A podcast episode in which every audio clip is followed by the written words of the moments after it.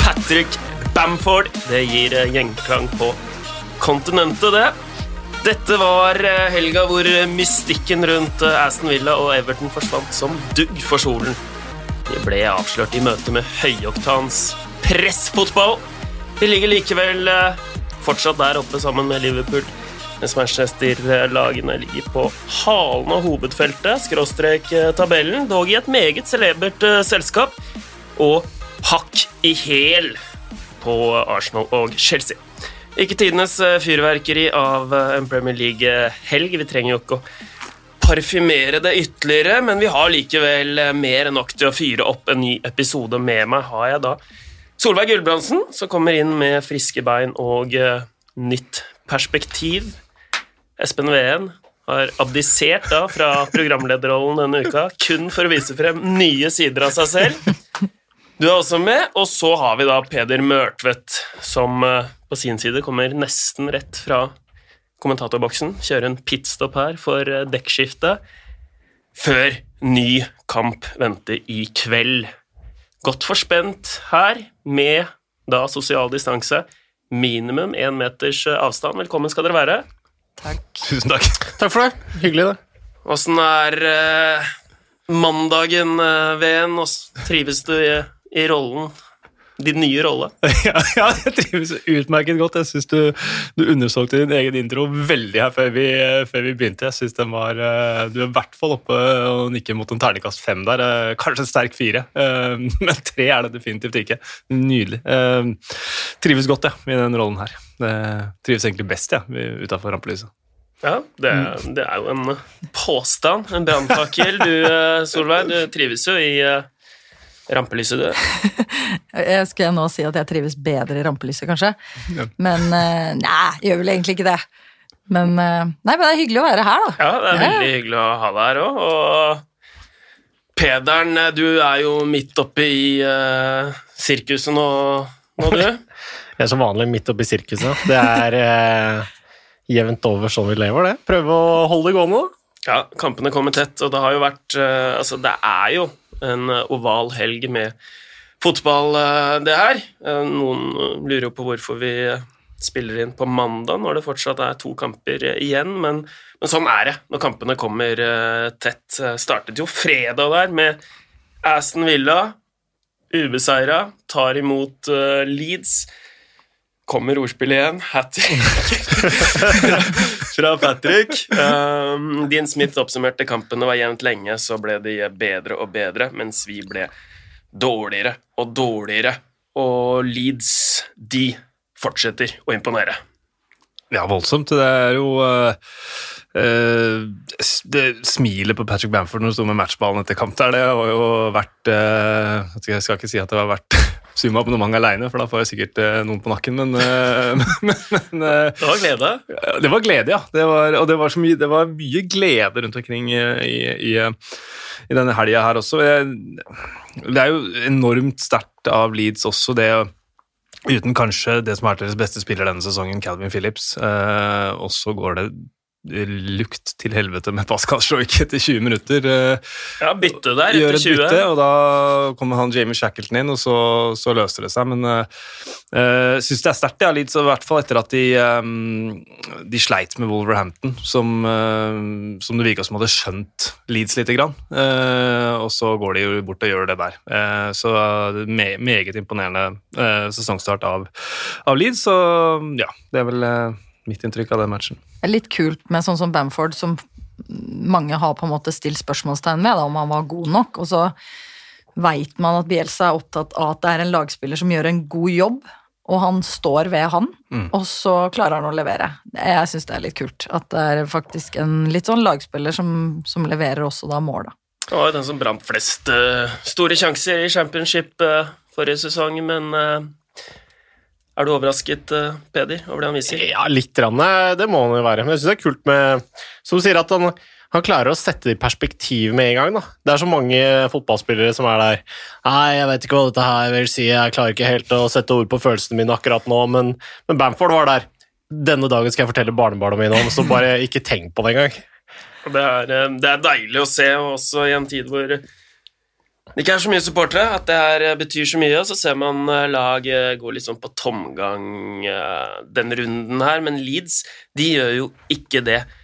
Solveig, du jobber jo med fotballspillere, har spilt på høyeste nivå selv. Hvor vanskelig er det å få til en slik fotball? Burde jo egentlig ikke være så vanskelig. Altså, du blir jo god på det du trener på. Så enkelt er det jo. Så hvis du trener på dette tempoet og på det nivået hele tiden, noe de da gjør, så er det mulig å gjennomføre.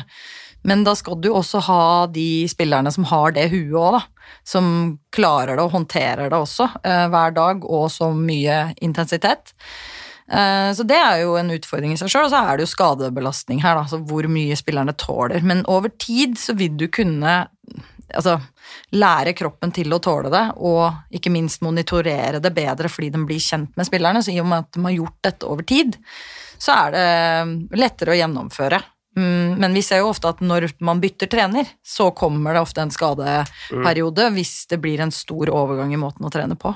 Nå ble Pascal Stroke eh, tatt av etter 20 min der. eh, Er det, er det som fotballspillere må leve med? Altså, jeg, ja, jeg har jo blitt bytta ut eh, etter 28 minutter jeg, i OL-finalen. Det var ikke fordi jeg var skada. Åssen reagerte du på det, egentlig? Det var, det var ikke en opptur. Og det er ganske vanskelig å sitte på benk og være dritblid. Det er faktisk det. Du skal jobbe litt, men da individuelt mot lag. Men vi vant jo OL-gull, så det sier seg sjøl at du blir glad. Men eh, det var kleint.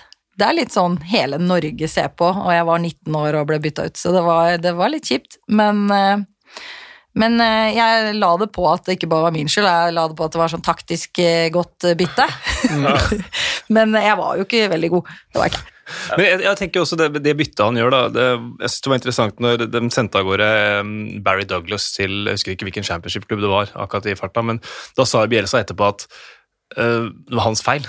At Barry Douglas ikke hadde blitt så god som han skulle blitt. Han var lei seg fordi han ikke hadde klart å få det beste ut av Barry Douglas. Så, uh, det kan jo kanskje være han må ta den samme samtalen med han uh, unggutten han tok plukka her, da, etter uh, 20 minutter. Han satt jo på en annen unggutt, for så vidt, men det andre som var imponerende, syns jeg var den forsvarsrekka som du ser med, med Leeds, som har uh, Luke Ailing som stopper, Stuart Dallas som egentlig kan spille overalt, men er jo ikke noen sånn utprega back.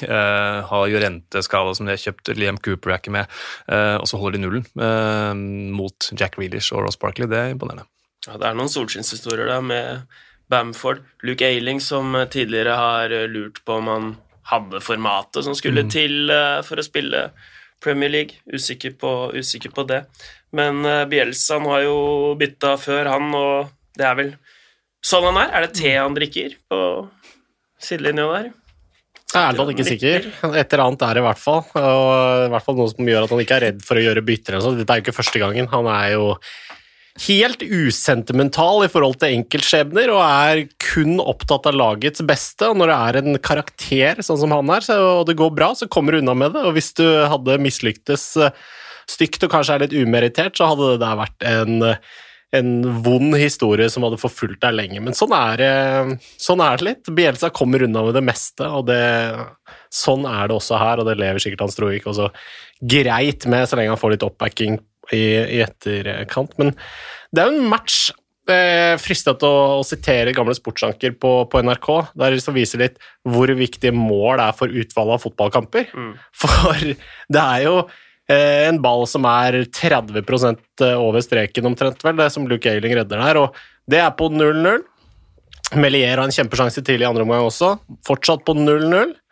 Så Det er sant. det er ikke veldig langt unna at Villa plutselig tar ledelsen og, og fort styrer mot tre poenger da. Men det Leeds skal ha for, det er at de, de på en måte De legger seg ikke da, etter 1-0. Nei. De vil ha 2-0. Når de har 3-0, så lukter de blod, da. Eh, Og da bare kjører de på fem minutter på overtid. Angriper de med syv mann mot fire. De vil hele tiden ha mer, da. Så det skal de i hvert fall eh, Definitivt. Berømmes det, for. det første målet til Bamford er er jo sånn poacher goal, men de to andre der, det er jo klasse ganger to. Så det er jo det er ikke noe hvilket som helst hat trick han skårer heller. Bam, bam, bam. Vi går eh, videre i uh, programmet. Westham, uh, Manchester City 1-1. Michael Antonio brassesparker inn 1-0. Phil Foden kommer inn til pause, skårer og har en god omgang. Stirling eh, brenner sjanse på tampen av kampen, og det kulminerer med 1-1. La oss starte med Westham nå. 4-0 over Wolves, 3-0 over Leicester før de klarer å grave fram uavgjort resultater mot Tottenham og Manchester City. Hva i alle dager har skjedd med Westham? Det var jo så mye negativitet rundt Westham, og når de tapte mot Newcastle i første kampen, så var det nesten vedtatt at de kom til å stå med null poeng etter sju matcher. Da var det bare storlag som venter. De har jo hatt Arsenal, Wolverhampton, Leicester, Spurs, City nå. Så jo, de har jo bare hatt vanskelige kamper, men, øh, men de er vanskelig å slå. Så jeg syns det laget som Moyes har satt sammen her, er et av de bedre jeg kan huske under han. Jeg syns Westham-fansen er kanskje ufortjent kritiske da, mot, uh, mot, David Moyes, for det er uh, Selvfølgelig, det blir jo uh, De er jo underlegne mot City, og hvis ett lag hadde tatt seieren, så hadde det vel fort vært Manchester City, men jeg syns det, er et, det er et litt artig Westham-lag, rett og slett. Det er det, og dette har vi jo venta litt på her, at de skal slå ut i Full blomst? Jeg vet, ikke, vet ikke om jeg har, egentlig har venta på det, det er deilig med, med Moyes bak roret. Men jeg snakka med, med, Erik Dammen, uh, sjef for Scandinavian Havers, før, uh, før um, sesongen, og han sa at han forventer at Westham etablerer seg topp ti, at Moyes reetablerer seg i toppen blant manager. Da tenkte jeg, fikk jeg litt bakoversveis, selv til tross for manglende manke, liksom. ja, ballsy statement. Ja, det... Veldig, han syns han treffer ganske bra på det her òg. Ja, jeg kjenner Erik godt, og jeg veit at han mener det. Selv om jeg da ikke helt var hans bølgelengde, så ser det ut som han har, eh, har, et poeng. da. Jeg husker jo for noen år siden at jeg var eh, forsvarer av Pellegrini. Jeg er ikke helt der, men det kan ha litt med den måten han kjørte Sunderland helt i grøfta på, som gjør at jeg ikke helt klarer å svelge han. Det er som Trevor sa også. Ja, he's still shit. så, så, altså, det er han jo antageligvis ikke, da. Uh, så jeg, ikke, jeg, jeg, er meget overraska. Jeg. jeg har ikke venta det i det hele tatt, for å være, være, helt ærlig. Selv om det er mye kvalitetsspillere der. Men her er det litt sånn mange lag som på en måte er litt sånn jevngode, og kampene kan vippe mm. begge veier. Og da har du jo liksom plutselig Antonio som da leverer, og så har du en keeper som redder bak Fabianski, har noen viktige redninger. og det, Akkurat det der vipper litt, sånn som du sa, og hvis eh, Aston Villa hadde scora tidlig der altså Sånne ting påvirker, da. Og når de nå begynner å få selvtillit, og du har spillere som ja, I hver ende av uh, altså i uh, begge boksene så er det utrolig viktig å ha spillere som er litt i flyt og putter, og sånn som Bamford. da. Det er jo viktig. Vi jo, var jo Pukki der i starten mm, nå. Mm. Så spørsmålet er liksom hvor lenge det varer, og du er helt avhengig av at de leverer, da. Mm. Så tror jeg De er veldig avhengig av Michael Antonio. Uh, nå gikk vel han litt sånn halvskada av banen, og det er, uh, det er, skummelt for dem. Uh, for uten han så, så, klarer de ikke å spille på den måten de gjør nå, tror jeg, da. hvis ikke selvtilliten er så god blant de andre at de løfter seg og får løfta Aller på gullstol inn i det laget, så, så er de veldig, veldig avhengig av, av spissen sin. Nå er det grunn til å være bekymret for City denne sesongen avgi poeng igjen her. Ja, det syns jeg definitivt. Det er, eh, viser mye det samme som det viste forrige sesong, at de er shaky bakover. Eh, selv med Ruben eh, Diaz inn, det er jo en klar forsterkning, da. Men nå er det jo han som taper duellen mot Antonio der når mm. han brasser inn 1-1. Kanskje verdens minst elegante brassespark, men det får være en annen sak. Men City er sliter med å skape voldsomt store sjanser. Aguero ut igjen nå med en uh, hamstring eller et eller annet, og det er uh, Det er uh, ikke noe sånn veldig tegn til bedring, syns jeg, for, for City selv. Så har de jo mista altså, Snakker jo ikke så mye om det, men altså liksom både miste Company i fjor, David Silva i år, og så begynner det å bli eldre spillere. Aguero er jo mye skada, kanskje ikke så mye på felt heller. Altså det, den grunnstammen der må ha de um, spillerne på treningsfeltet, og ikke minst uh, på banen i kamper, da, hvor du kan gjøre det lille ekstra. Men jeg syns jo fortsatt det skapes jo nok sjanser. Altså Manchester City kommer jo gjennom på ekstremt sånne store, og nå så jo noen av de sjansene hvor de normalt sett ville De spiller igjennom, mm. De Bruyne spiller igjennom, og så pleier det å komme en pasning mm. rett inn foran mål, og så skårer de på åpent mål, gjerne Aguero, da. Mm. Nå bommer de på det touchet på den pasningen, eh, pluss at Sterling bommer og treffer keeper. altså de der marginene der, da, for de skaper jo nok sjanser mm. til å egentlig skåre mål. Ja, du tenker på den assisten, liksom, den der på tvers inntil ja. han som putter den i mm. åpent mål, som vi har sett en million ganger. Ja, uh, ja der, var det, der, var det, litt uh, svikt nå, for å si det sånn, hos, uh, hos Mares. blant annet hadde vel et par i den matchen. Ja, men Det er jo en sånn sesong da, hvor alle virker som halter litt eh, hit og dit. Eh, så det er, det er, hvis det er grunn til bekymring i Manchester City, så er det vel grunn til bekymring over hele fjøla, tenker jeg. Uh, Men her spiller det nok inn hele pakka med at noen lag har fått en oppkjøring. mm, Um, om du får tre uker eller én uke, har veldig mye å si. Om du får litt mer pause, altså sommerferie, om du har fått tid til å restituere, og nå er det jo da noen lag som er ute i Europa i tillegg, eh, og det, det spiller veldig inn, og det syns jeg vi ser på tabellen her òg. Og så spørsmålet hvor lenge det hvor lenge det skillet kommer til å være. Da. Men det kommer nok litt an på skadesituasjoner, og sånn, som nå da Aguero går på en ny smell. og ja, det, Men eh, jeg tror nok det gjør at det har jevna seg litt ut, for det har ikke vært like veier inn i sesong. Ja, en brannfakkel på Twitter, så det ble litt kok i chatroom under den eh, kommentaren eh, der. Men eh, Magnus er, er pep oppskrytt, ikke vunnet Champions League siden Barza. Ingen Premier League-seier i fjor, og brukt mer millioner på forsvarsspillere enn forsvarsbudsjettet til flere land. Et åpenbart geni, men det ser ut til at Jesus ikke er nok, og at han trenger Messi, ass, i parentes, for å lykkes. Nei, altså, jeg syns jo Pep er eh, er jo et geni. Altså sånn Men jeg har alltid sagt det, det, det imponerer meg like mye det en trener klarer å utrette med dårligere spillere og dårligere budsjett. Fordi er du på toppen og kan egentlig plukke på øverste hylle, så kan du plukke spillere som passer akkurat inn i det systemet du vil. Og så ja, det er allikevel vanskelig, og du skal allikevel klare å spille ofte mot etablert, mot et lag som parkerer buss, og det er vanskelig. Men jeg blir også like er imponert over sånn som Chris Wilder i fjor, da. Mm. Som kommer med noe annet. Men et oppfølgespørsmål da, som eh, Emil Abrahamsen har i litt i samme greie. Kan, fordi siden det brukes penger, em, så ligger jo lista deretter. Den ligger jo på, ligger jo på 2,45. uh, hvis man skal gå over et høydesprang. Men kan dette være Peps siste sesong i City, hvis han ikke vinner Premier League eller Champions League fra Emil Abrahamsen? Ja, det tror jeg, men det bestemmer han helt sikkert sjøl. Og det uh, var jo veldig lenge spekulert i at den forrige sesongen kom til å være den siste. Det trodde jo mange. og har gått på en eh, ny sesong, og det har aldri vært så lenge i en klubb som han har vært i Manchester City nå. Uh, og det snakkes jo om managere som kan føre til en viss slitasje rundt eget uh, spillemateriell, og Pep, som er en ekstremt krevende type, hvis vi skal tro uh, rapportene. Da har jo ingen av oss vel vært på treningsfeltet der sjøl og, og blitt jagd rundt, men det er ikke så veldig rart, at, tror jeg, da, at det er en, en viss form for slitasje rundt uh, en klubb som, som han har, fra setter ekstremt høye krav, og det um, ser man vel kanskje litt konturene av nå, da. For det er jo, eh, selv om de sikkert skaper sjanser sånn, nå skal jeg gå Thorstvedt litt i næringa og, og røske fram litt XG, Ja, så er det ikke De har ikke tatt for mye poeng. De har ikke, de har ikke skapt større muligheter enn de har sluppet til. De har faktisk eh, ganske unike 7-26 både for og mot i XG på mål, da. Så det er ikke det. Det er ikke sånn at de, de eh, underleverer eller noe voldsomt på, på mål, eller. Det er, det er bare jevnt middels hele veien.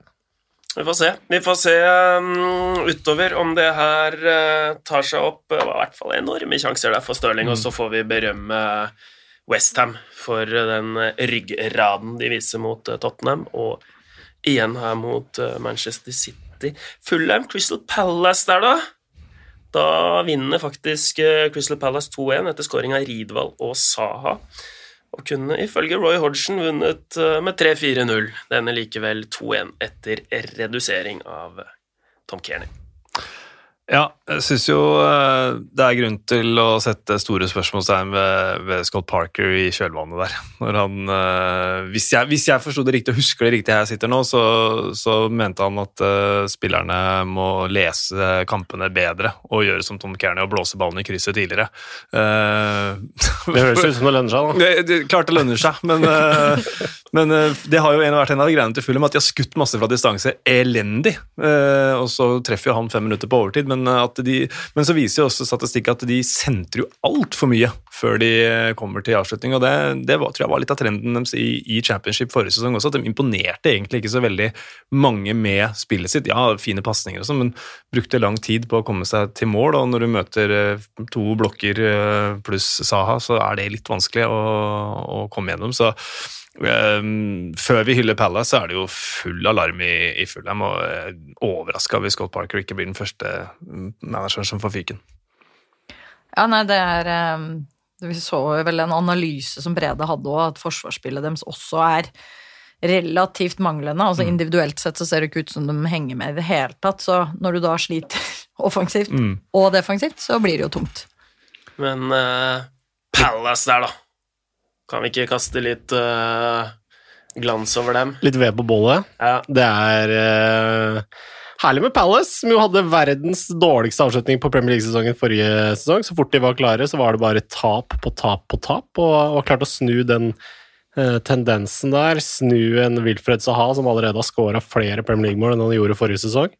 Det er Han skårer spissmål, til og med, nå, mot uh, Fulham. Sklir inn i stolpen og Nei, det var, uh, det var herlig å se, så han uh, han leverer, og da er Palace gode. Og de skårer til og med mål tidlig i matchene. Den er vel ny også. Skåra Når Ridvold skåra nå, skåra vel Det var andre målet i løpet av de ti første minuttene av en kamp, og det gjorde de null ganger hele forrige sesong.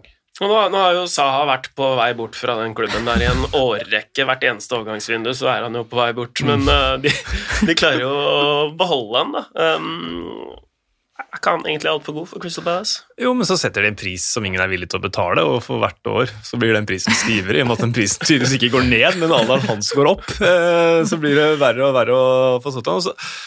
Får vi se om han Det er jo imponerende. Han, selv om han ser litt sånn sint ut når han spiller, eh, så jeg skulle gjerne sett han smile litt med, men eh, det er jo helt uvesentlig, egentlig. men bare sånn for at det ikke skal være ved på det bålet om at han, han ønsker seg bort, så, så er han i hvert fall tilsynelatende en ultimat profesjonell, for han gir jo alt for den, uh, den klubben. og Jeg syns jo også det at de nå spiller uten verken McCarthy eller MacArthur, er jo verdt å merke seg. Ja, det er, det er blytungt for deg, da, at de uh, ja, det, altså, selvfølgelig klarer seg uten de. ja, ja det kan ikke MacArthur bli ukjent helt denne uka, her, det er jo veldig veldig synd. men Luka Milivojevic som har vært ute, kommer inn og er god, og det er jo Det Roy Hodgson driver med, er jo, det er jo dødsimponerende. Uh, at, uh, han så jo ferdig ut, som Peder var inne på. Sesongavslutninga i sommer var jo grusom. Og så klarer du å snu det og plukker opp en ny sånn bekk fra hatten som eh, holder Fanan og Tyric Mitchell. Børster støv av Nathaniel Klein. Altså, det er jo et pensjonat som blir bra. Og Jairo Riedewalt, altså, som ble henta med brask og bram av Frank de Boer. Mm. Og var egentlig bare verdt helt i ørska, og så kommer han inn og skårer mål. Og, ja, det, er et veldig uglamorøst lag, men det er vanskelig å ikke være imponert og glad, litt glad i dem òg. Ja, altså, vi satt vel på det der tabelltipset og tenkte at nei, nå er Roy blitt for gammel. Mm. Nå eh, Og at han liksom kanskje ikke henger med mer pga. slutten av sesongen sist og, og liksom litt av starten som var vi litt sånn mm, Ja, er dette godt nok? Men eh, så har han gjort de grepa som skal til, og han har fortsatt da full kontroll på garderoben og får spillerne til å prestere. Og det samme gjelder jo at han, altså Saha, som man tenker da, vil bort og ser litt ut som en muggen tenåring i starten av sesongen mm. hvert år, hvor du tenker at nå mm. Men så blir han bare bedre og bedre, eh, og leverer nå altså meget bra. Og det er jo sterkt å få til. Da har du ja, da leverer, leverer, du som manager, vil jeg si. Og så synes jeg Det som er litt fett med Sa, er at uh, han Nå skal jeg ta én ting til. For han, en, han er jo en egoist på mange måter. Han er jo en type som kanskje skaffer seg en sjanse, eh, brenner den, og så går han surmuler litt noen minutter. Men akkurat det det er noe som han har lagt litt av seg nå, for han brenner jo en sjanse rett i forkant av at han slipper gjennom uh, Riedewald. Tar ti sekunder, kanskje, så har han nullstilt spiller en herlig gjennombruddspasning. Og så han er, han er, bare ordentlig mentalt til stede, og det er kult å se. Og han må jo gå og bjeffe litt hvis han skal være i form. Mm. Han er en sånn Rooney-type. Han må være grisesint hele tida for å spille bra. Han er jo ikke, han er ikke noen solskinnsgutt, uh, Wilfred sa. Så passer han jo litt som hånd i hanske inn i det laget òg, som er godt organisert. Og så Ja. er han jo free, for han gjør sin egen greie. Og det er greit hvis én spiller gjør sin egen greie. Mm. Så Nei, vi hyller de, og så er det jo litt Det har vært gøy å liksom fått uh, sett litt på liksom hva sa Roy Hodgson prater om. Det hadde vært Det, På det, fritiden. det syns jeg også hadde vært meget Hvor er dokumentartimen når vi trenger det? Ja, altså, Den tviler jeg vel på at Amazon kjører en All or Nothing Crystal Palace, dessverre. Uh, det jeg tror jeg ikke det er glamorøst nok til, men det kunne vært veldig veldig gøy. Uh, helt enig. Den, den, de samtalene de to imellom, den, det skulle jeg gjerne vært flua på veggen og, og hørt på. Altså. Så hylles hyllest da til Roy Hodgson, som nok en gang motbeviser kritikerne. Blant de aller største han og seier på fredag, så er de A-poeng med ligalederen, faktisk. Får se hvor, uh, hvor lenge det her holder. Manchester United, Chelsea Det var en kamp jeg hadde gledet meg veldig til å kommentere, og så ble det en vanvittig kjedelig kamp, rett og slett, mellom hvis man skal være kalle en spade for en spade, og det må man jo gjøre for å ha en viss integritet og troverdighet. En litt kjedelig fotballkamp mellom to lag som spilte med håndbrekket på og endte 0-0. Um, det er mye vi kan ta tak i her eh, som var, som var litt eh, fett, da. Uh, Pogba, dobbeltbytte der. Men, men Chelsea, i hvert fall. Dette var jo eh, en kamp i uh, seriepremieren forrige sesong. Chelsea kanskje best, til og med. Manchester United vinner 4-0. Nå får de endelig Nå har de faktisk hatt to strake clean sheets her. eh, Første bort siden desember, og er det, tyder det på at Frank Lampard endelig har begynt å lære? Ja, Han sa vel etter kampen selv også at uh, vi har eh, det Angrepsmessig så vet alle hva vi kan, og da vet vi hvor, vi vet hvor vi står. Men nå er det to nuller på rad mot Sevilla og Manchester United, så det er veldig, veldig positivt. Og så var Thiago Silva sjef eh, Ja. for første virkelige gang, som, i hvert fall, som jeg har sett i, i Chelsea, tror jeg. Da fikk jeg ikke sett den Sevilla-kampen. Da tror jeg at jeg kommenterte Shakhtar sitt C-lag mot Real Madrid Man får ikke sett alt. Nei, man får ikke sett, får ikke sett alt. eh, Men i hvert fall den kampen her syns jeg han var veldig, veldig god, og tok den Han er nok med den alderen og mangelen på fart, så er det kanskje han best i hjertet av et trebek, en trebekslinje i Premier League, tror jeg. Og der sto han virkelig fram og, um, og var god. Og så skal ikke undervurdere det å ha keeper mellom stengene heller, da. Edward Eh, Mendy der. ja, kontra de to andre som pleier å stå og veive med arma bak der. Så, så har du jo keeper nå. Ja, han ser, han ser jo meget bra ut. Mm. Uh, og kunne vunnet den kampen av Manchester United. Det kunne selvfølgelig Chelsea også, men eh, Edward Mendy med flere gode redninger. Um, hvordan eh, synes dere Kavani så ut? Nei, jeg kunne jo hatt eh, Premier League-historiens eh, beste første touch, da. Det er jo noen centimeter unna det, men bortsett fra det, så han er han er rødlig, han, og er jo et annet type alternativ for Manchester United framover enn det de har hatt eh, tidligere, men det er klart, som du korrekt var innom, det er jo Dette var snork eh, målt mot forventningene, da. Ja, det, det var jo, men Kavani 33 um, det, det, Han så jo fortsatt eh, litt eh, pigg ut. Ja, altså han uh, har jo rutine og målteft, så, og det blir jo å spille på noe annet, da. De får jo en boksspiller um, som, som, ja, som kan være viktig å ha noe annet enn det de Det har jo vært litt sånn begrensa. Altså, Martial er jo god, men det har jo vært litt sånn Du vet egentlig ikke helt hva du får.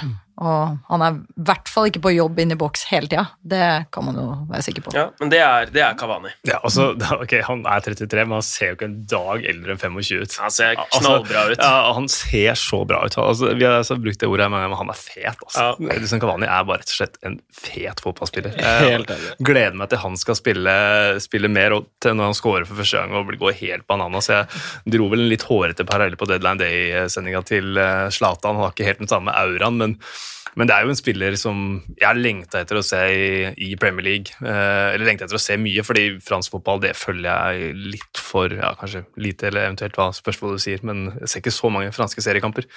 Eh, så å se Kavani uke ut og uke inn, det er noe jeg virkelig gleder meg til. Skikkelig, liksom. Jeg merker, jeg bare, Ja, så deilig. Ja. Og så når- når Solskjær etter den missen til Rashford går og snakker med Kavani Ja, liksom, ok. Hva ville du gjort der? Liksom? Jeg vet ikke hva Det var hva- stilig. Ja, hva det Han satt, der, han satt der og så pangsikker ut. Ja, han hadde bare, han hadde bare, han hadde bare løfta han elegant over. Men 33 altså, øh, Folk snakker fortsatt om det som om det er liksom Ok, da er du nesten ferdig, men 33 i moderne fotball, med alt man veit om kosthold, med trening Altså, folk spiller jo øh, på toppnivå nå til de er 38, 39, 40. Det, er ikke, det, det blir mer og mer vanlig, da. Da er det selvfølgelig fristende å spørre deg, Solveig, som har gjort comeback 100 ganger, hvor Altså, 33 for en fotballspiller, det er ikke noe alder lenger, det. Nei. Eh, hvis det, men det kommer jo helt an på. Men hvis det er en profesjonell spiller som ja, tar alt det her eh, under eh, mulighetene, da. altså både med de medisinske apparatene som fins, og altså kosthold og alt det her, så mener jeg det er mulig å spille lenge. Men det må legges til rette for, fordi du restituerer ikke like kjapt lenger. Eh, Så det er på en måte noen begrensninger eh, hvor mye du kan være på felt, og hvor mye du kan trene. Eh, Men ikke minst altså den derre rutinen og roa og tryggheten du har når du går på banen når du har passert 30. Det er jo en luksus. Det er jo da man burde hatt litt bedre form, fordi da ta bort alt det andre. Altså du begynner å forstå hele konseptet av fotball, og ikke minst relasjonelt. Mye mindre ego enn det man er på 20-tallet, så det er liksom ehm, Og en fordel ja. for Cavani også er jo at han har ikke spilt så veldig mye fotball i det siste. Han har Nei. ikke spilt uh, så mange kamper som Cristiano Ronaldo og, og Messi. Eh, han så jo også skarp ut i Ja. bevegelsesmønsteret sitt.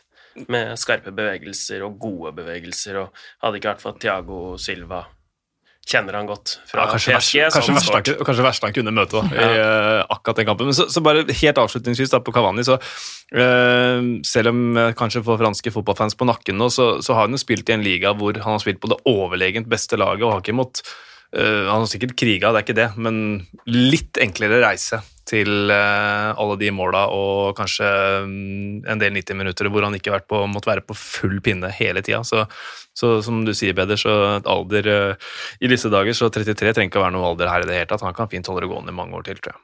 Men at uh, Drømmenes teater har fått en ung Johnny Depp, det er det ikke noe tvil om. Nei, det er det ikke noe tvil om. Altså. Eh, Solskjær nevnte mm, etter kampen at det var to etter, ja, etter kampen at det var to lag som hadde spilt i Europa denne uka, og det viste seg eh, spesielt i første omgang, og i andre omgang så klarte de ikke å pushe på for å få det avgjørende målet, men det hadde de klart hvis eh, det var fullt hus og Stretford End eh, hadde gitt dem, løftet dem fram, da, så hadde de fått eh, ballen over streken.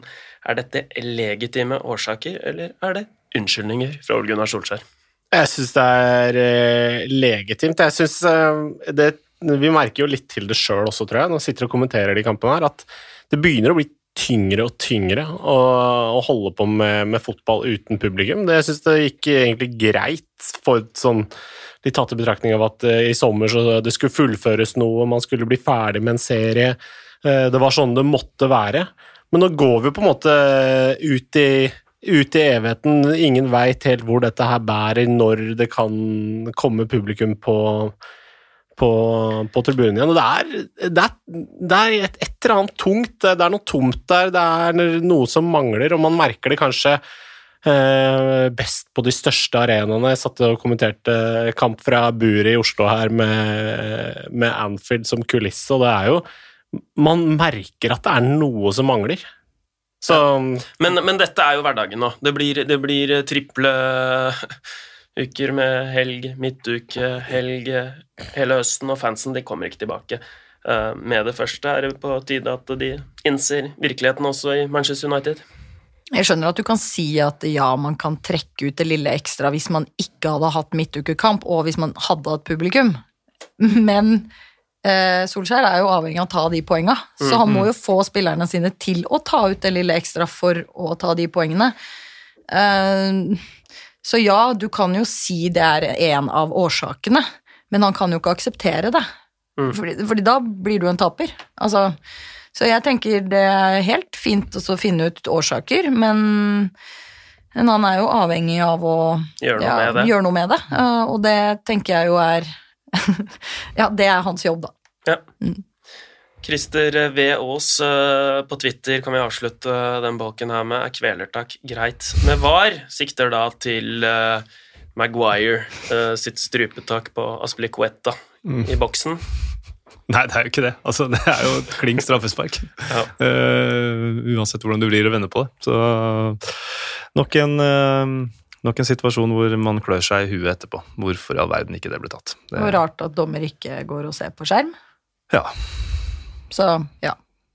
Sånn er livet. 0-0 eh, der, og poengdeling et helt greit resultat for begge. Liverpool på Anfield, eh, Peder, du var inne på den eh, kampen der. Sander Berge med 1-0 fra straffemerket etter at Virgil van Dijk erstatter Fabinho, Fabinho lager straffe. Så drar Liverpool det inn. Måtte grave dypt her, eh, Liverpool.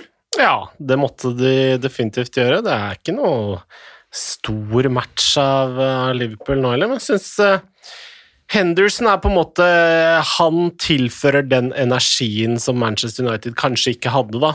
Eh, når de sliter, så er det han som driver opp tempoet, slår til slutt det innlegget som fører til utlegning eh, like før pause. Det er eh, men det er ikke noe stor kamp. Det er det ikke. Men de, de er gode nok, da. Og det er jo sånn det er, har det er, det er jo vanlig, og de taper jo aldri på Anfield lenger.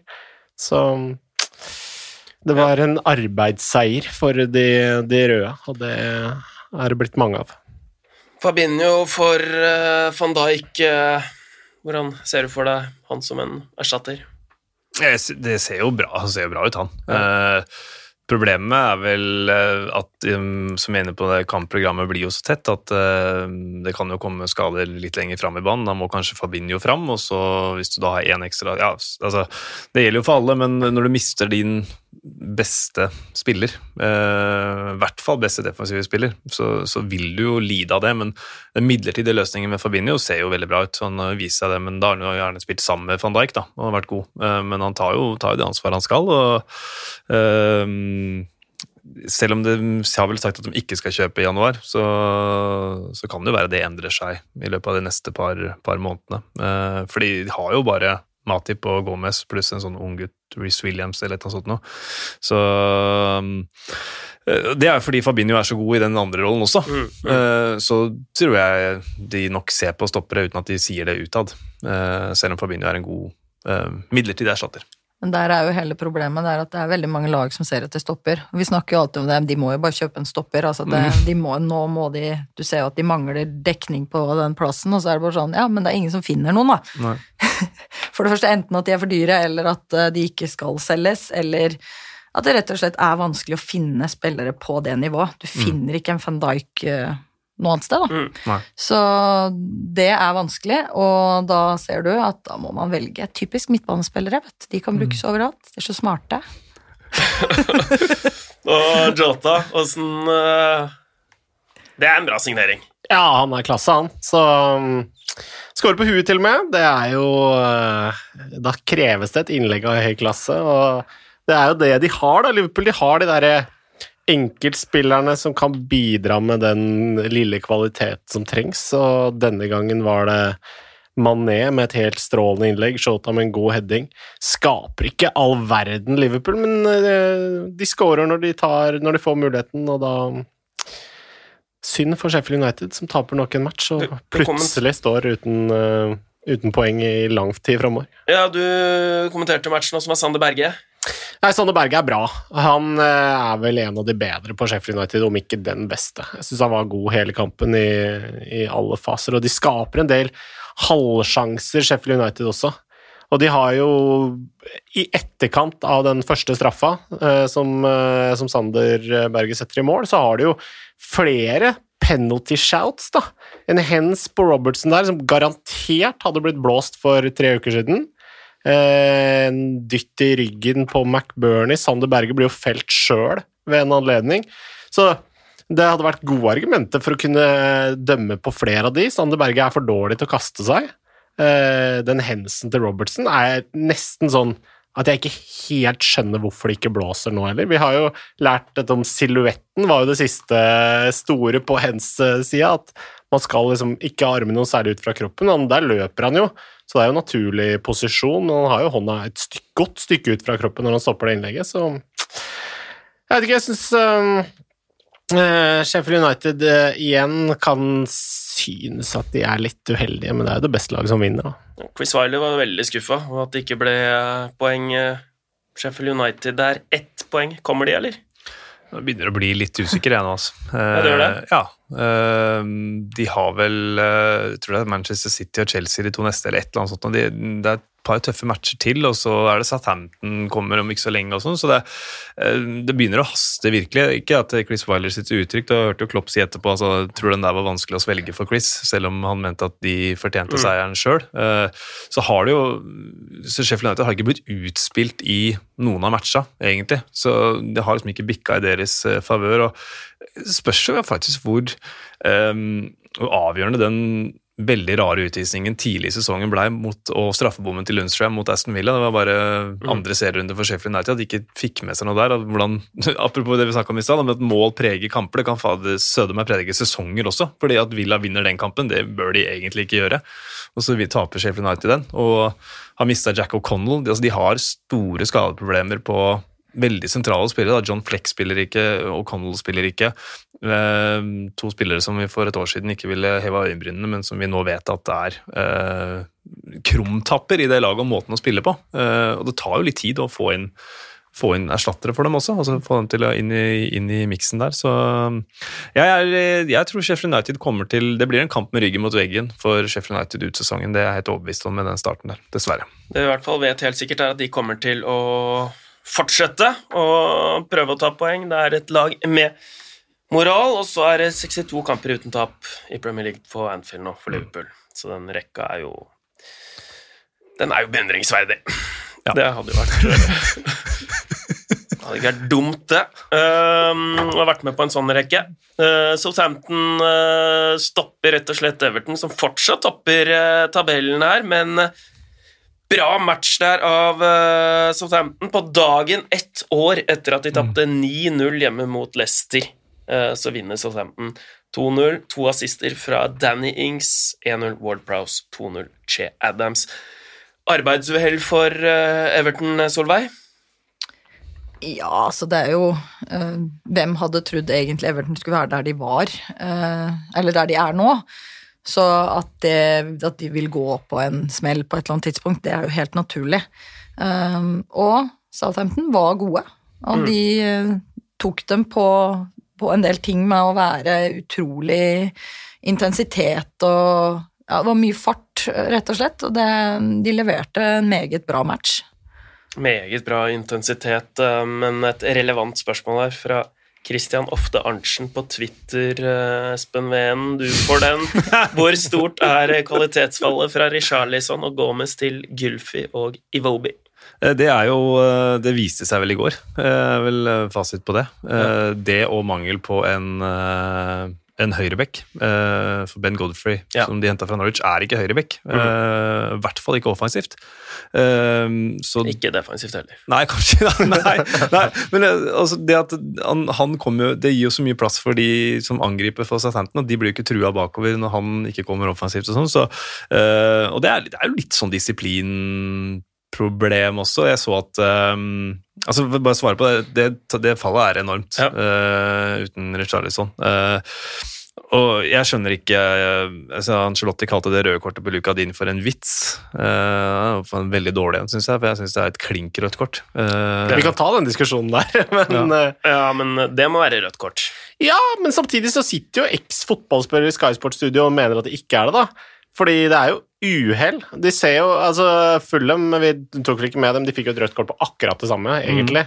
Kamara som tråkker på en her, men det er jo uflaks, da. Så Ja. vet jeg at det ikke egentlig har noe å si, men Han eh, sklir bortover på ankelen til Kyle Walker Peters i fem meter. Og selv om det ikke er tilsiktet, det er klønete, så Det er gode argumenter for å gi rødt kort, for all del. Eh, og smertefullt som bare det. Samtidig så Tja, jeg vet ikke. Jeg mener det i hvert fall er eh, Ja, jeg- jeg- jeg registrerer at eh, flere mener at det ikke er det. Men her tenker jeg at det, Man skal ikke trekke altfor mye paralleller mellom idretter. og sånn, men sånn som i ishockey så har du ansvar for kølla di. Ja. Ikke sant? Så hvis du med et uhell smeller den i trynet på noen, så er det utvisning, fordi du har ansvaret for den. Og du har jo ansvaret som fotballspiller også for å ikke utsette motspiller for fare. Eh, og Luka Din må ikke løpe opp eh, Kyle Joker Peters der. Så når han tråkker på han og sklir bortover, så, så mener jeg at det er et, et solklart rødt kort. Og, men kanskje ikke trenger det ikke å være så lang karantene, sånn som Bizuma som fikk det røde kortet mot Newcastle og sparka husker ikke Jamal Lewis tror jeg det var, i ansiktet. Så fikk tre kamper for et uhell. Kanskje det kan gå an heller å justere det der, da. På uhell, eh, ikke uhell. Men, eh, men i kampen så, så mener jeg det er rødt. Du er, eh, der er jo klok, venn. Takk. Veen er veldig uh... Fornuftens røst. Ja, er det, det er gøy å se Southampton når presset funker. De er tilbake på nypolerte skinner, så mor, moro å følge dem. Wolves uh, Newcastle Newcastle klarer igjen å få med seg et resultat uh, på tampen her. hvordan var egentlig den kampen? Nei, det var sovemedisin, det. Så det skulle vært eh, siste kampen på søndagskvelden, naturlig nok. Få seg en god natts uh, søvn til mandag der. Ja, det var uh, syltynne greier, syns jeg, fra Molly New. Det var uh, lite sjanser. eh, to langskudd i mål. Det ene på frispark. Da. Litt eh, gøy at Jacob Murphy plutselig var med i en startoppstilling igjen, og at han scora mål i tillegg. Jeg hadde vel kanskje hatt tatt han av før 90, hvis det var jeg som hadde bestemt. Jeg han hadde noen fryktelige pasninger der som jeg ikke skjønte noen ting av. Og... Men han fikk stå hele veien, og hadde tydeligvis studert keeper Rui Patricio i forkant, og velter inn en scoring hardt langs bakken. Og de er eh, gode til å utvikle frisparkskyttere i, Norwich, tydeligvis. Det er, eh, det er mange av dem. Eh, er jo han Det er noen år siden han reiste derfra, Jacob Murphy, men eh, Nei, det er eh, Det var imponerende slått frispark. Eh, Fint mål av Raúl Jiménez, og move on. Og Jacob Murphy er høyt oppe på Instagram, som seg hør og bør. Ett poeng. Points on the board. Over the moon to grab a goal. Hard work pays off. Så um, er det Joakim Ulvang da, på Twitter. Du får den her siden du fulgte eh, kampen med argusøyne, Peder. Kaktus til eh, spilleren helt til venstre i Wolfsmuren. Ja, det går jo an å Jeg så det var mange som eh, var eh, litt eh, skeptiske til muren. Det var kanskje litt dårlig satt opp og sånn også. Gjemmer seg litt der. Vondt å få ballen på, på seg, det vet jo alle som har spilt fotball. Det er jo best å bare skygge unna, prøve å ikke bli truffet. Det kan være smertefullt, men det koster jo litt poeng, da. Men det er keepers ansvar å sette opp muren her. Solveig? Ja, og så mener jeg også faktisk det er trenerens ansvar å finne ut hvem som faktisk skal stå i mur. Ja, hvem Fordi- stå i muren, egentlig? Forsvarsspillere, Folk som er idioter spisser? til å ta ballen uansett. Ja. Du kan ikke sette folk som kommer til å dukke. Og det veit du som trener. Du veit Jeg kan ikke stå i mur. Jeg hadde dukka.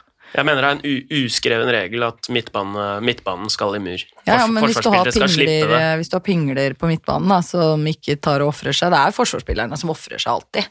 Så det, jeg tenker at du må se an personlighet òg. Det er ikke bare å plukke og bare si sånn Nei, vi tar fireren i Nei, du må finne ut hvem som er gærne nok til å ta den ballen. Jeg har stått så mye mur i mitt liv, og jeg alltid når jeg står der, jeg vil ikke bli truffet. Nei, så, så da men er det er det måte, er det på Da, måte det, da er du ikke riktig. Fordi jeg har På stått ingen måte er så feil Ja. mann på feil sted. Og jeg har stått ved siden av folk som står der og bare 'Jeg tar den, jeg tar den!' Og så liksom Ja, ja da, da skal du stå der, tenker jeg. Ja, jeg har Mhm. en kompis som burde stått i mur på alle i alle, fotball, i alle fotballkamper. Da hadde, det ikke blitt mål. Um, hvem er det egentlig? Ja, det, Du veit jo hvem det er. Christer? Ja, ja. Christer fra Kjelsås. Yes. Han, burde være Han har spisskompetanse. Han har spisskompetanse. Han alle spille i alle posisjoner i en elver. Så god er han. Alex Knutsen på Twitter. Her kommer en uh, brannfakkel.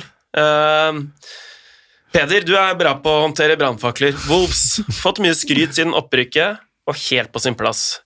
Det er Alex Knutsen, sa jeg det? Ja. Likevel er det trist å se et lag med så mange spennende offensive spillere som ser ut som de spiller for 0-0 uansett hvem de møter. Ufattelig traust og kjedelig fotball.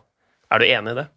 Ja, jeg syns ikke det er helt way off. Det er litt strengt, kanskje, da, men jeg er jo mer diplomatisk enn som så normalt sett, så jeg kan jo prøve meg. Men eh, det de har ønska seg, og det de har snakka om i forkant av sesongen, er jo å klare å dominere kamper. Dette er en kamp der de skal dominere.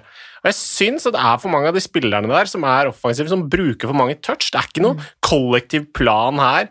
Nuno Santo er jo blitt veldig sånn hylla som, eh, som manager, men det er på en måte de gir ballen til Podence eller til Neto, og så prøver de seg litt på egen hånd og prøver å sette opp noen kombinasjoner, og det blir liksom ikke noe av det. De skaper ingen store matcher. Det er ikke noe veldig tydelig samhandling som, eh, som jeg klarer å, å se, i hvert fall. Når, når skjedde det her, da? For det var ikke så lenge siden de var veldig veldig morsomme å se på.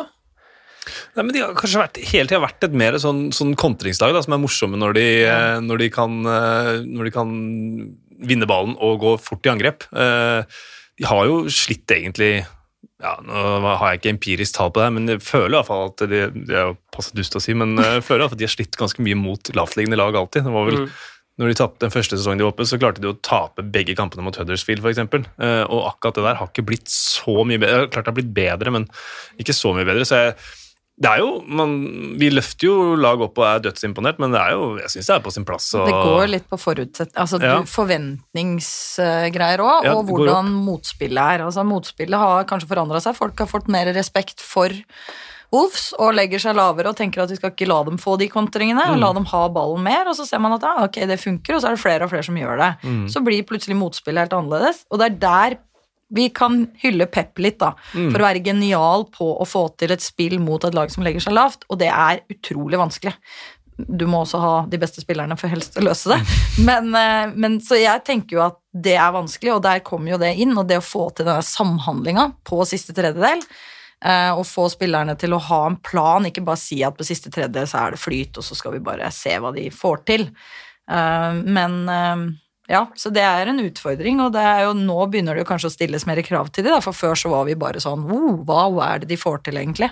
Og nå er folk kanskje mer oppmerksomme på det òg. Ja. Og så har de jo en, de har jo en plan om å legge seg lavt og, og vinne ballen på egen halvdel og sette i gang kontringer. Altså lokke motstander fram, og så angripe kjapt. Det har vært planen alltid. Så det er jo et av de lagene, hvis vi skal dra inn litt empiriske tall, da, siden jeg akkurat har sittet og, og jobba med dette her på søndagskvelden, så er det jo et av de lagene som, eh, som forsvarer seg nærmest eget mål. Så Det er ikke sånn som Southampton, for eksempel, da, som liksom kaster folk i og prøver å vinne ballen på motstanders eh, halvdel. Wolverhampton, når de mister ballen, de jogger hjem igjen, og så står de kompakt der, og så kontrer de når de vinner den tilbake igjen. Jeg får prøve meg på litt faktabasert. Ja. ikke bare sinnssykt. Men uh, der er det som Solveig var inne på i stad, med, med inngangen til sesongen. da, sånn For å forsvare Wolverhampton også, at uh, hva skal vi egentlig forvente? Hadde den vanvittig lange sesongen i uh, forrige sesong. gikk langt i Europaligaen. Uh, de reiste innmari langt. så, så Når du sammenligner sånn, ja, ja, men Manchester United spilte mange kamper, de, og andre lag spilte mye kamper. ja, men Wolverhampton de var jo jorda rundt sju ganger eh, i den, på den europaligaturen sin. Eh, og Pluss at de har vel mista noen spillere òg. Ja, mista et par ganske viktige Ja. spillere. Docherty, er- Semedo blir sikkert god, han, men han er ikke like vant Nei. med det. For eksempel, og Diogo Shotta er borte. Det er to som har vært helt, helt Mm. sentrale i det laget der. og Det tar litt tid, altså. Så, så selv om vi forventer mer av dem, så, så er, det, er de unnskyldt òg, syns jeg. Det er noen formildende faktorer, jeg er helt enig. Altså. Og de møttes jo hva var det, to-tre dager før første seriekamp ja. også, etter å ha tatt en lang pause. Så de, de har jo ikke hatt mye tid til å jobbe med det, men har jo fått resultater allikevel. Mm. De har mye poeng, så man skal ikke være Det er ikke helt doom and gloom heller. De har vel ti poeng allerede, så Ja. krise er det på ingen måte. Nei, Jeg tok jo seks kamper før de vant forrige sesong, tror jeg, så de er godt i gang. Ja, og honnør da til Newcastle, som klarer å grave fram et nytt U ut av, ut av det blå. Steve Bruce, vi genierklærer deg. Arsenal, Arsenal Leicester 0-1. Eh, Det har vært optimisme rundt eh, Ja, var de eh, skåret målet? Det har vært eh, optimisme rundt eh, Arsenal eh, ganske lenge nå. Er det fortsatt grunn til det? Ja, det tenker jeg det er. Eh, samtidig som eh, de har tre seire, tre tap nå. De har vunnet de tre kampene de skal vinne, og så har de tapt de tre kampene som utgangspunktet så litt vanskeligere ut på papiret. Så det er jo grunn til litt bekymring. Mm. Men det er jo et, sikkert er jo et langtidsprosjekt for, for Arsenal, hvis de orker å bruke tida på det. Det tror jeg Teta får tid. Eh, Men i går så, så var det jo De skapte ikke så store muligheter. Det er klart Den annulleringa etter halvannet, to med to-tre minutter der er jo sikkert mulig å diskutere. Eh, Kanskje burde den stått. Ja, Eh, burde den det? Jeg, jeg syns det er Jeg er jo ikke dommer, og man har jo ikke For, for der står Sjaka foran keeper i offside-posisjon og er på en måte ikke delaktig i spillet, Nei. og ballen uh, heades i mål. Nei, fra, fra linjedommerens uh, vinkel så ser det ut som han står foran, men han gjør jo faktisk ikke det. Uh, han er, uh, I det headinget fra Lacassette går, så er jo faktisk Schmeichel eh, fri til å gjøre en manøver, og han redder jo ikke ballen. Så det går an å argumentere begge veier for den. Men det som med fasit i hånd, det ble ikke mål. Eh, Så er det vel noe, Diskusjonen her går jo kanskje også litt på at offside er jo for en grunn, og du skal jo egentlig ikke kunne altså, Man skal kunne stå i offside og ikke være i, i spill, mm, men en grunn for at du ikke skal kunne bare plassere folk hvor du vil og sette dem i offside, er jo fordi at det mest sannsynlig kommer til å være i nærheten av noe som skjer. ja. Og det er jo det som skjer her nå. At, eh, men hva Everton gjør på den corneren, er jo litt eh, underlig, spør du meg. For det er jo tre Arsenal-spillere som er på første stolpe, bakre stolpe og foran keeper-ish, og ingen uh, Ingen motstandere. Så det er litt sånn veldig merkelig løst. Nei, Vi velger si? bare ikke å ha noen på stolpen, rett og slett. Nei, så egentlig så står det tre Arsenal-spillere i offside ganske tydelig. Det er i hvert fall 1,5 til 2 meter linje, linje, hvor de setter linja, på en måte. Så sånn sett så kan jo Everton ta altså Leicester. Leicester, sorry. Leicester eh, takke seg sjøl òg, da. Litt for hvordan de løste situasjonen. At Ja. de lar vi kjører at keeperen skal klare dette sjøl. Lykke til. Ingen så. reaksjoner fra keeper eh, for øvrig. Nei. Men uh, det ble 1-0 til Leicester. Det får, holder, vi oss, uh, holder vi oss til. Og med fasiten i hånda, hva slags dom gir du VM? Leicester med mm, det som eh, vel de sa, sa det, vel etter kamp, både Rogers og Vardy også, at kampplanen fungerte utmerket. Og du så jo mm, Brennan Rogers sto bare og gliste de siste 20 minuttene. Han bare var så fornøyd med seg sjøl. Eh, med god grunn, eh, for eh, de frustrerer Arsenal. Lar Arsenal trille på tvers, eh, sliter litt grann på noen av de langpasningene når Louise eh, treffer.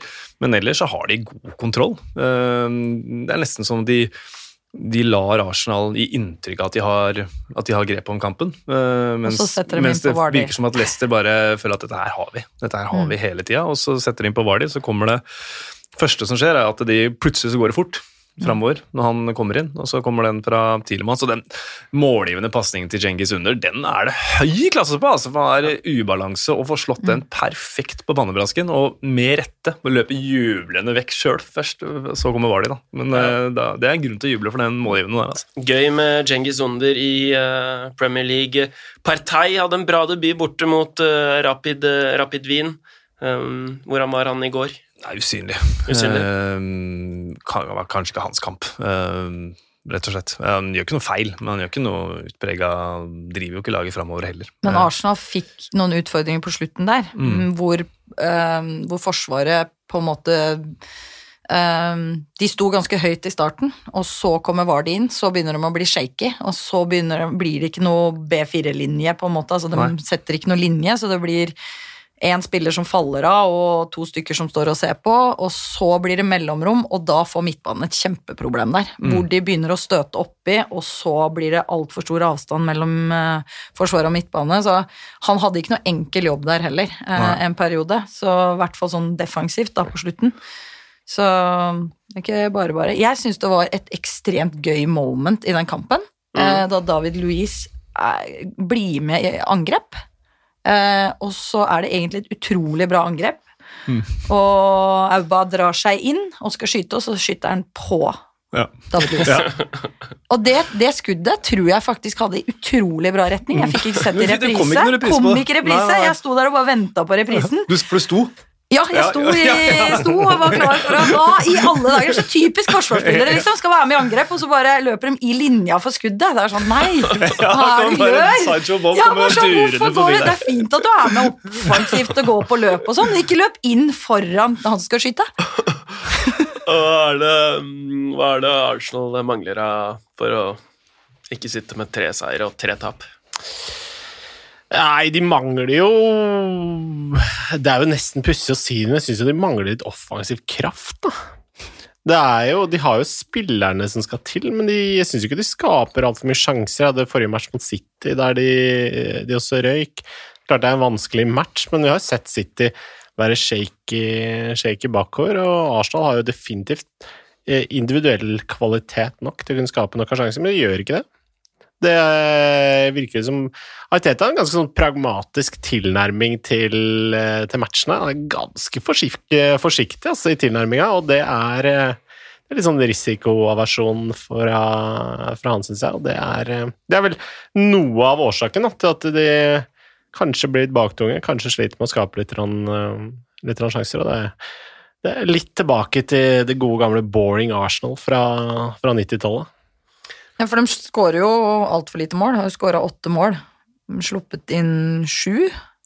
Og det er jo på en måte Sju er jo ok. Eh, så det vil jo si at de har jo tatt mer kontroll over det forsvarsspillet. Mm. Men det går jo da veldig utover det offensive, da. Vi får, eh, vi får, eh, se siste spørsmål i denne bolken. Her går til deg, VN. Ville du tatt de faste spaltene Blomst, ukjent helt, øyeblikk og kaktus før eller etter Bill Edgar? Um, hvis det var deg? Hvis jeg var deg, så ville jeg tatt dem uh, før. Da er det klart for uh, faste spalter. Det var moro å se på. Morata var kjempegod. Hva i all verden?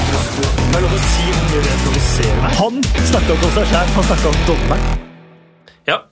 Um, litt sånn innkjøringsproblemer her, men um, Ukjent helt, da. La oss eh, starte med ukjente helten. Florerer jo av dem eh, den runden mm. her. Nesten ikke annet. Nesten ikke annet. Um, såpass gjestfri at Solveig, du får lov å starte. Ja, nei, det kan vi ikke gjøre. Nei? nei. Der, da går, nei, stafettpinnen til VM. Um, ja, I og med at uh, James MacArthur ikke spilte, så uh, Det er som du sier, de florerer. Um, satt og trøkka litt gjennom helga og hmm, ja, Kanskje han Jamie Shackleton på, tenkte jeg på fredag. Kommer mm. inn og veldig gjør veldig en god. veldig veldig god kamp. Hadde et innhopp mot Liverpool, ellers så er han forholdsvis ukjent. Altså, ja, han er ganske ukjent. Ja da. Uh, men det handler jo også om at spillere som ikke nødvendigvis alltid stjeler rampelyset. Uh, så det syns jeg er en god kandidat. Uh, Jairo Riedewald. Ja, for det er jo tross alt din faste mann MacArthur-erstatteren. ja, go to-klubben der også. Og, Jacob Murphy, det er mine tre kandidater. Det var vel nesten ukjent at Murphy fortsatt spilte i Newcastle, selv om jeg så han på noen lagoppstillinger i Lia-cupen. Men jeg, jeg får vel bryte litt med vanene mine og så får gå for Jamie Shackleton Everton er min uh, ukjente Det er din. Pederen? Uh, da tror jeg at jeg skal nominere Che Adams ja, i Southampton, som har uh, Altså så, han har jo skutt seg litt varm, da. Han har skutt seg litt varm, var jo helt iskald fra starten av forrige sesong. Kjøpte inn ganske dyrt, eh, forsvant ut av lagoppstillinga ganske kjapt. Så jobba seg sånn sakte, men sikkert eh, inn igjen litt og litt heitere, og nå ser han jo plutselig ut som altså Nå er det ikke noe diskusjon om hvem som er makkeren til Ings lenger. Nå er det Jay Adams, og han har to pluss to mål vel på de seks første matchene. Ja, er, jeg liker forslaget. Jeg syns bare ikke han er ukjent nok. Men kanskje, okay. kanskje en blomst. men jeg skal ikke helle kaldt vann i årene dine. Ah. Personlig går jeg da for Jairo Ridevall, da, eh, siden det er liksom McCarter-erstatteren. Debuterte i, for Ajax i 2013. Han var 18 år gammel, gikk til Palace. Ganske kjent navn, med andre ord. I 2017 fikk nå sin 13. start på fire sesonger. Eh, hans andre start for sesongen og tredje siden januar. Første mål i Palace-trøya i McArthur-rollen. Da fikk han to stemmer. Nei, Ridderwald er bra. Ridderwald er bra. Okay. Han, har jo, han har vel måttet fylle inn i flere forskjellige roller. Jeg lurer på om han har spilt back ja, og flanke og sånn, så at han har vært eh, han er tydeligvis en, en uh, god type Beate Potet som uh, Roy Hodgson kan benytte seg av der. Henta som stopper også i sin tid, så mm. der har han jo ikke spilt. han var dårlig på bekk, ja. men uh, moro. Moro å følge ham. Ja. Grattis uh, til Jairo Ridevall. Da kan det jo bli blomst òg, da. Um, eller skal vi være såpass pedagogisk at vi gir kaktus før blomst? Peder, nå kan du starte, siden jeg var ufin mot deg. Eh, Kaktus, skal vi se, hvor skal vi begynne der, da? Det er vel eh... Nei, skal vi gi det til Jeg tror ikke jeg klarer den, ass, men eh, Jeg gir den til Lukas Ding, jeg. Lukas Ding, for den, eh, var den helt uforstående. Ja, han ville jo ikke gå av banen engang, da. Nei, Så- Nekta å gå av banen. Men han trodde vel at VAR kom til å komme han til unnsetning der. Så jeg syns det har vært mye Det er godt lest, faktisk. Det har jeg ikke tenkt på. Nekta å gå av før VAR hadde vært inne og, og bidratt. Um, Men mens du tenker, eh, Peder, er det rom for eh, dere to andre? Ja, jeg syns den er litt uh, vrien. Jeg syns Luca Dini er et, eh, et veldig godt forslag. for det, det, det så jeg ikke noe repris på, men jeg så bare én situasjon hvor han har, han har en arm oppi uh, ansiktet på Jan Bednarek også i, som i, tidligere i matchen. Så han var liksom ikke mors beste barn gjennom kampen sånn totalt sett. Så han har akkumulert nok eh, på det kaktusgreiene. Jeg var kanskje Jeg er jo litt ond, jeg vet eh, og det kjenner jo du Ja. på de kaktusene mine. Så jeg er nesten sånn på Scott Parker, for at han bare ikke klarer å organisere fotballag. De ser bare så forferdelig ut. Eh, Men eh, jeg er, egentlig, jeg er mer egentlig enig i Luca Din. Ja. Jeg eh, gir jo min til David Louise for det. For for. Jeg er Ja, er. Jeg er ikke i tvil. Peder, har du noe innspill på tampen her? Nei, jeg syns Luka Dini er fin. Ja. Det er, eh, han eh, har jo et utseende som gjør at man tenker at han alltid er en veldig snill fyr. Så at han kan få en litt sånn bad guy-pris, det, det fortjener han. Det kan Ja. han sette på gutterommet og, og skryte av når han tar med seg jente hjem. Kommer til å vokse på det. Um, så har vi blomster, eh, blomster her, da. Er det noen gode forslag? Ja, Roy Hodgson, da. Ja. Kan ta med til, hjem til kona. Det er vel ikke lenge siden de feira gullbryllup eh, i Hodgson-familien, tror jeg. Eller hvis det ikke er neste sommer. Jeg vet ikke, jeg husker ikke helt, men det, det er i hvert fall eh, rett rundt hjørnet, og da kan det være greit å ta med, ta med og sende, sende dit. Yes. Men klarer du å toppe den? Nei, jeg gjør ikke det. Men uh, hadde Edward Mendy er på blomst for den redninga på skuddet til Rashford. Den, uh, den syns jeg var Med tanke på det den driver med, de som vanligvis har stått i det målet der. Jeg hadde akkurat det samme, Mm. men de, for å komme inn der og faktisk levere det Chelsea trengte, rett Mm. og slett. Ja, da er det Jeg, jeg, jeg syns Hodgson fortjener det sjæl, altså. Så Da blir det vetorett, da. vetorett på den. Mm. Roy Hodgson. Men eh, øyeblikk så har jeg Ed, eh, Mendy, men eh, Ja. den redningen, der viser han det. Tigerspray. Det var så Mm. enormt uh, bra. Han er liksom klar, han er fokusert. det er vanskelig skudd å ta òg. Det er trafikk eh, foran, eh, foran han. Mm. Da får liksom alle være med, da, så da får han den. Ja, skal vi bare Eller Ja, jeg, jeg, har jo Jeg må jo Det er jo selvfølgelig farga det jeg driver med sjøl, da. Man er så sjøl nærmest alt det greiene der. Men eh, Jamie Vardy, når han eh, st- Altså, måten han koste seg altså, Han bare kom inn på Emirates sikkert og bare 'Jeg veit jeg skal spille siste halvtimen.' Og bare var så godt humør på oppvarming. Kommer ut etter pause der med en Red Bull, setter seg med buffen på huet, veit og bare ser litt Ok, nå kommer de stoppere der til å bli usikre, så er det bare å beine inn i bakrommet få ballen. Og det var ellevte målet hans mot Arsenal. Han har, altså, det var vel Etter den vant ligaen, så prøvde jo Arsenal å kjøpe dem, han kjøpe dem, men det ville han ikke. Og siden det så har han bare terrorisert dem fullstendig. Eneste trøsten for Arsenal-fans er at uh, nå er det faktisk ikke en Tottenham-spiller som har skåra flest mål av motspillere på Emirates, for nå er det Vardi. Han har fem. Eh, så for meg så var det øyeblikket, for det var så skrevet i stjernene at han skulle inn og skåre. Det bare hele, hele kampen lå til rette for det. Altså, jeg er ekstremt svak for stupheadinger, da. Og det Mm. er eh, det, det forsterker det målet der veldig for meg òg. Det, eh, det er så deilig å komme flyvende gjennom lufta. Han er ikke, han er ikke vannrett nok, Jamie Vardy, men han er i hvert fall framover og lander på magen der, og det er nydelige greier. Ja, eh, da gir vi den til Vardi, faktisk. Eh, Da er det duket for eh, Bill Edgar. Arsenals syv siste. Aldri skjedd! Første gang siden er den sjette spilleren. Fun factsene til Bill Edgar. Kort for filming i Premier League har forsvunnet i møte med manglende fans. Det forrige tiåret ga oss 25 gule kort uh, på filming per eh, sesong. Men det har ikke vært noe kort for dette i de 148 kampene spilt bak lukkede dører på tomme arenaer. Den siste spilleren som fikk kort for filming, var Manchester Uniteds Fred i møte med Manchester City 8. mars. Så det er ikke noe sånn helt vilt, men jeg syns eh, det er relevant informasjon. Er det fordi folk har slutta å filme? Fordi var at det er vanskeligere? Jeg vet ikke, han, altså, Jeg er kanskje strengt å kalle James Justin i går for filming, for han er- forventer jo å få beina avklips, men uh, det er ikke noe kontakt der, så selv om det ikke er kontakt ja, Nei, han har ikke filma, ikke. Ja, kanskje de har det. Nei, de har ikke det. Så, så dere tror det er pga. VAR, ikke pga. tomme tribuner? Jeg tror at uh, spillere jevnt over holder hodet litt kaldere da. Ja. enn uh, nå enn uh, en tidligere. Og det i, i begge lag, så hvis det er noe man krangler på, så blir det ikke, det blir ikke like oppheta som, uh, som man har sett tidligere. Veldig, veldig sjelden også du ser eh, mange spillere rundt dommeren.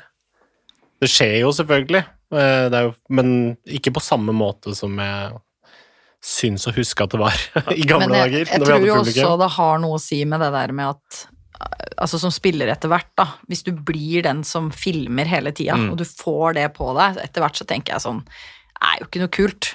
Eh, Det er blitt for bra, altså både var og alt. Du kommer ikke unna med ting. Altså det er jo ikke noe vits å prøve å jukse deg til ting. Mm. Så da Jeg tenker jo at det ville spilt inn i huet mitt, i hvert fall. At uh, jeg vil ikke ha det på meg. Men jeg syns folk Men- filmer hele tida, altså. Eh, ikke for Ja. å være veldig Fordi, altså eh, Det spørs jo hva man setter som filming, da. Nå, dette lett, det er jo en type filming. Og det syns jeg det er masse av hele tida, og det er jo forsvarsspilleren er jo det verste på det. Kaster seg i ett kjør med en liten hånd i ryggen eller hva det er, og da er det alltid frispark. Eller det frisparket som Newcastle foregår, som de ender med å score mål på. Callum Wilson som bare ry- ry- rygger litt, og det er jo ikke Han kommer aldri i verden til å falle i den duellen der med Conor Cody hvis han får en premie for å holde seg på beina. Men det gjør han ikke. ikke sant? Han får frispark hvis han legger seg, da legger han seg.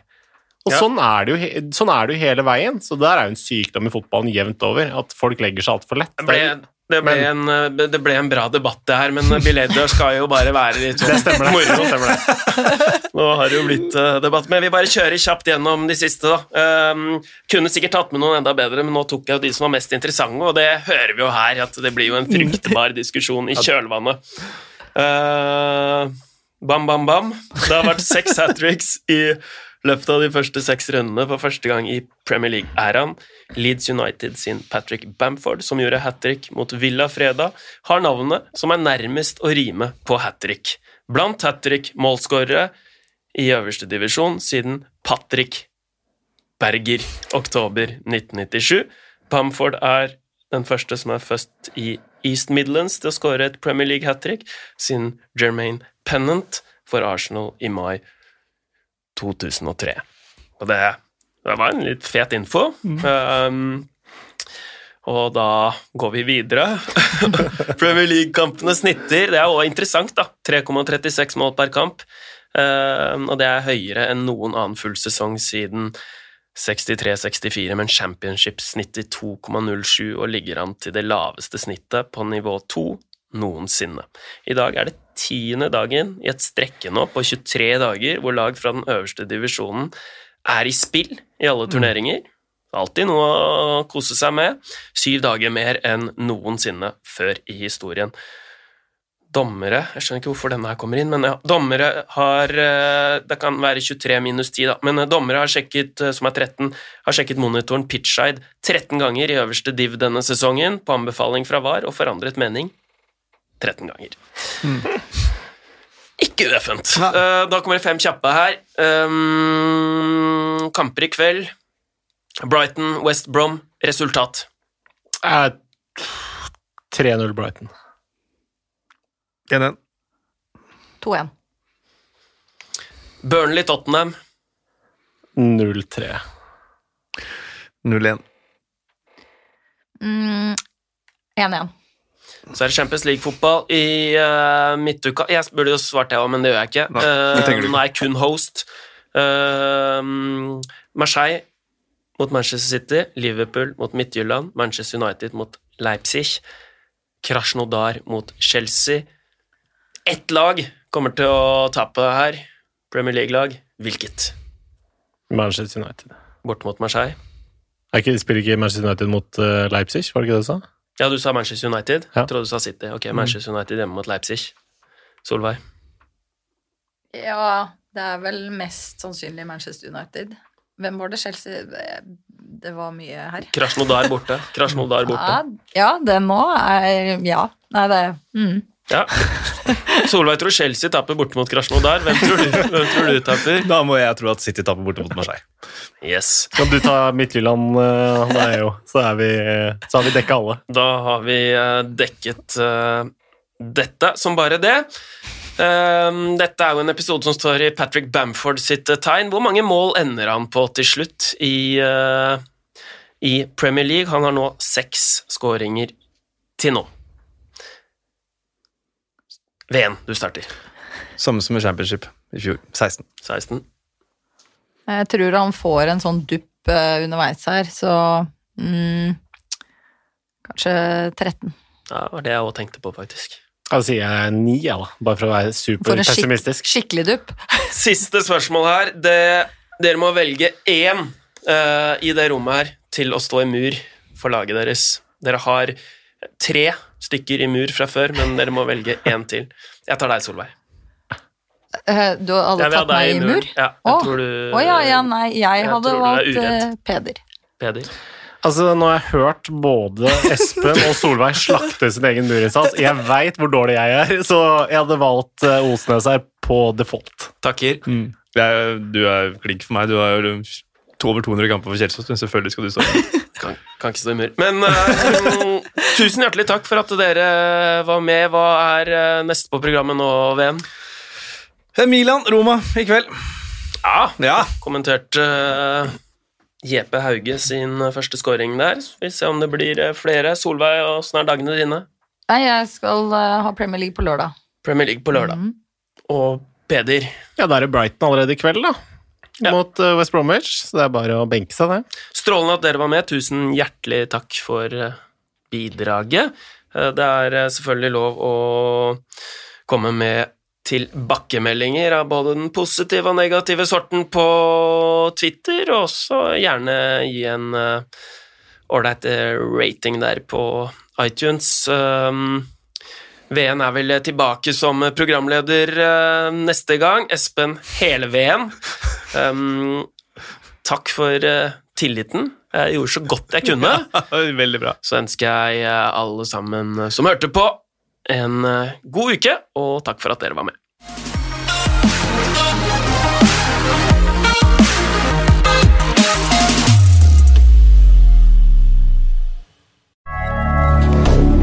Moderne media.